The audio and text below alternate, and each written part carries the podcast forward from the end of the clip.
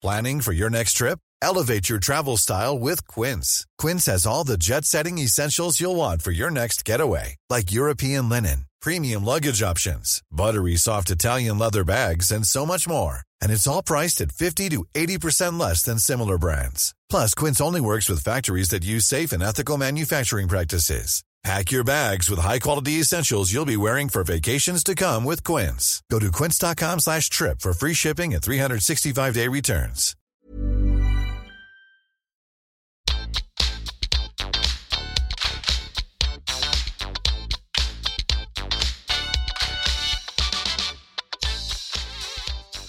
Hei alle sammen, og velkommen tilbake til podkasten Karriereveiledning med Elaine.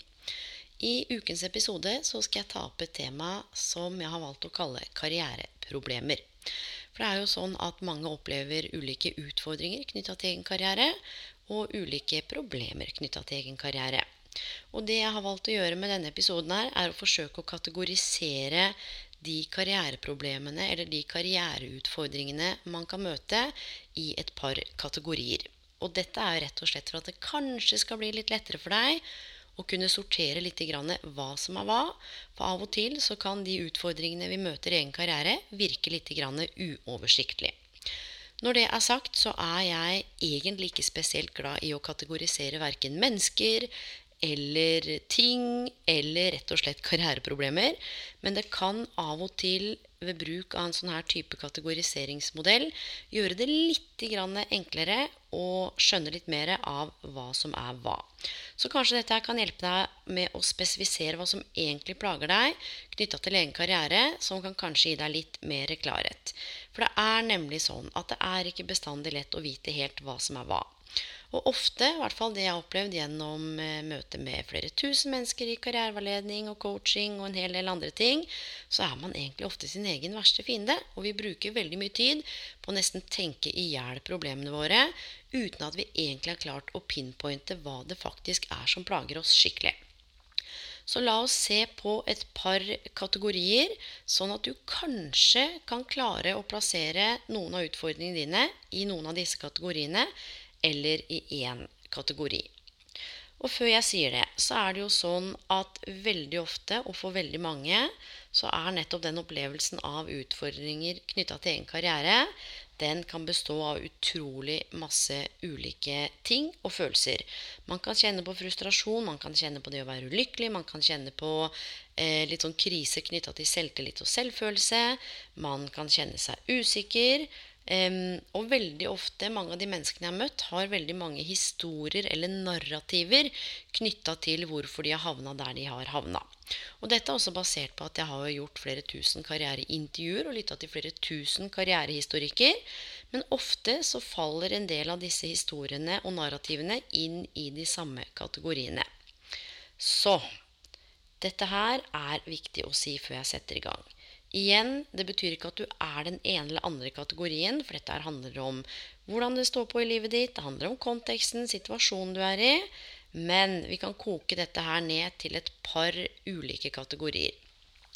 Kanskje du kjenner på den første kategorien, som handler om en sånn type karrieresetback. Det betyr at du har opplevd å miste jobben, du er permittert, eller du har rett og slett blitt gitt en annen stilling på jobben enn den du hadde, som du ikke trives med.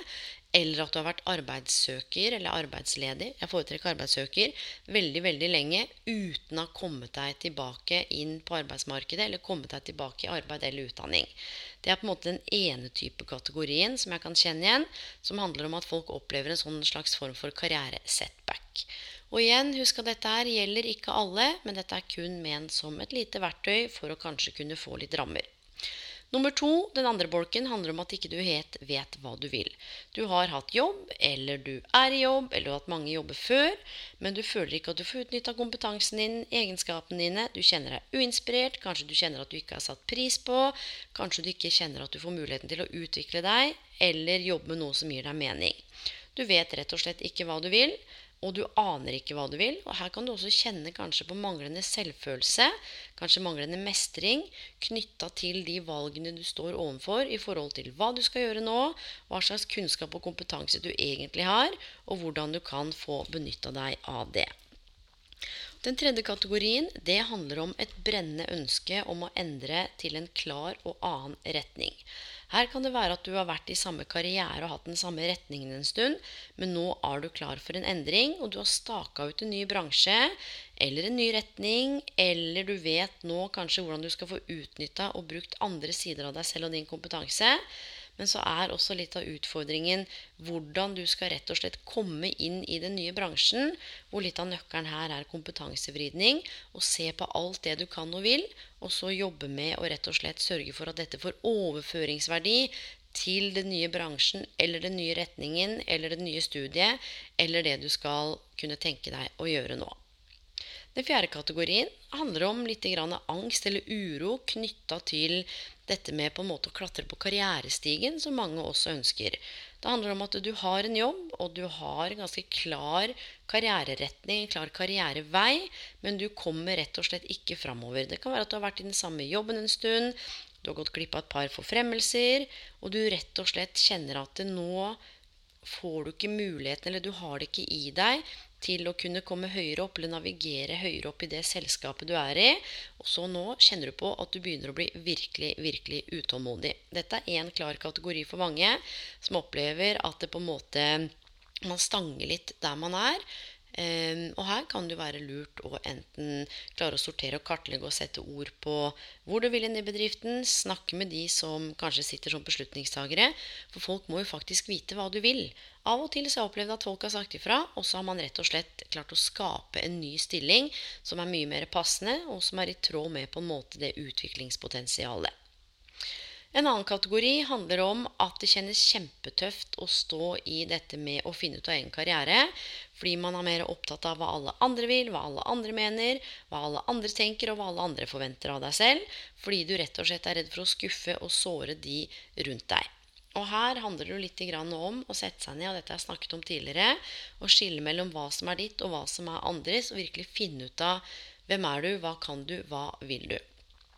Og den siste kategorien det handler rett og slett om frykt. Altså Du har en helt klar drøm, du har en helt klar retning, men du er livredd for ikke å få det til, for du tror at det vil si noen ting om deg i forhold til at enten du mislykkes, eller at du ikke er god nok, og derfor så tør du heller ikke prøve. Dette kan høres veldig veldig simpelt ut, og samtidig som jeg sa innledningsvis, så er dette her ganske komplekst. Det kan være utfordrende å kjenne på at man stagnerer knytta til egen karriere. Men jeg har tro på, og veldig ofte har jeg sett på også, når vi har starta bl.a. med en del av de fantastiske menneskene jeg jobba med, og klare å begynne å sortere og kategorisere litt mer av hva det egentlig dreier seg om, så virker utfordringen litt mindre overveldende. Så jeg håper at for noen av dere som lytter, så kan det ha vært noe til hjelp og fått klassifisert eller sortert litt i hvilken kategori du tilhører. For da kan det også være litt lettere å begynne å jobbe med hvilke skritt du kan ta i en eller annen retning som kan oppleves riktig og viktig for deg, sånn at ikke ditt problem eller utfordringen kjennes altfor overveldende.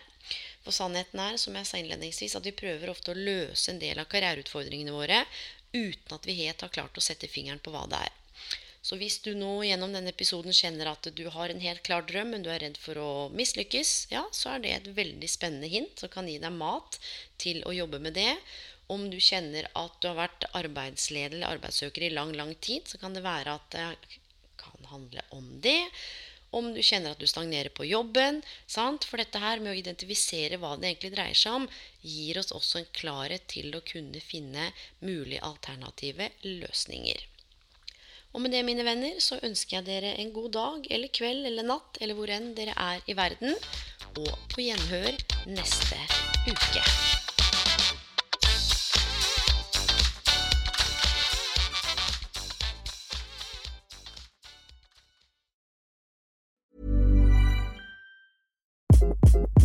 Hi, this is Craig Robinson from Ways to Win, and support for this podcast comes from Invesco QQQ. Invesco QQQ is proud to sponsor this episode and even prouder to provide access to innovation for the last 25 years. Basketball has had innovations over the years, too. We're seeing the game played in new ways every day. Learn more at Invesco.com slash QQQ. Let's rethink possibility. Invesco Distributors, Inc. My business used to be weighed down by the complexities of in person payments. Then, Tap to Pay on iPhone and Stripe came along and changed everything. With Tap to Pay on iPhone and Stripe, I streamlined my payment process effortlessly. Now I can accept in person, contactless payments right from my iPhone. No extra hardware required. What's truly remarkable is how I can cater to all of my customers' payment preferences. Whether they're using cards, Apple Pay, or other digital wallets, Tap to Pay on iPhone and Stripe ensure a smooth checkout experience every time. And it's not just me. Stripe helps businesses of all sizes, from local markets to global retailers, scale quickly and stay agile. To learn how Tap to Pay on iPhone and Stripe can help grow your revenue and reach, visit stripe.com/tapiphone.